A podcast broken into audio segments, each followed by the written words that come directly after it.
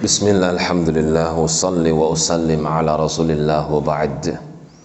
Masih di dalam surah Al-Furqan Sampai pada firman Allah Ta'ala Wa qala alladhina kafaru.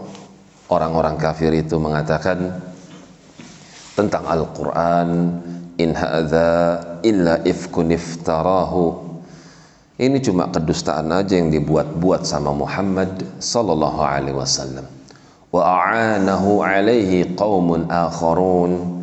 Terus kedustaan ini dibantu sama teman-temannya yang lain. Faqad ja'u dzulman wa zura.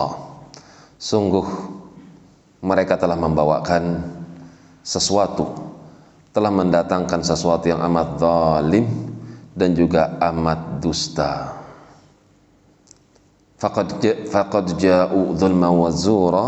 Ini adalah bantahan dari Allah untuk mereka.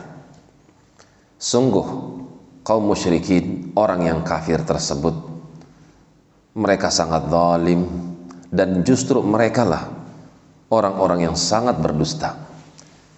Karena sungguh Al-Quran telah datang kepada mereka dan menjawab setiap syubuhat kerancuan-kerancuan yang mereka buat sehingga syubhat berubah menjadi ilmu yakin. Tapi tetap saja mereka tidak beriman. Waqalu mereka berkomentar asatirul awalin ini cuma dongeng aja.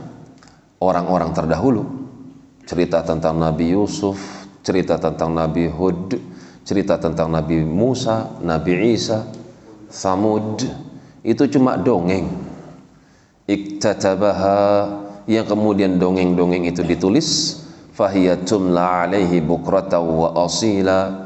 Terus dibacakan sama Muhammad sallallahu alaihi wasallam pada waktu pagi dan juga pada waktu siang. Lihat bagaimana ujian menimpa Nabi sallallahu alaihi wasallam. Selalu beliau diterpa oleh ujian. Dikatakan pendusta dikatakan mengada-ada dikatakan enggak waras gila sesuatu yang palsu kul maka Allah katakan anzalahu. Katakanlah kepada mereka anzalahu alladhi ya'lamu sirra fis samawati wal ardi. Yang menurunkan Quran itu adalah Allah. Quran itu bukan dari Muhammad tapi justru dari Allah. Ya'lamu sirra fis samawati wal ard. Yang maha tahu hal-hal yang tersembunyi apakah itu di langit atau di bumi innahu kana ghafura rahima.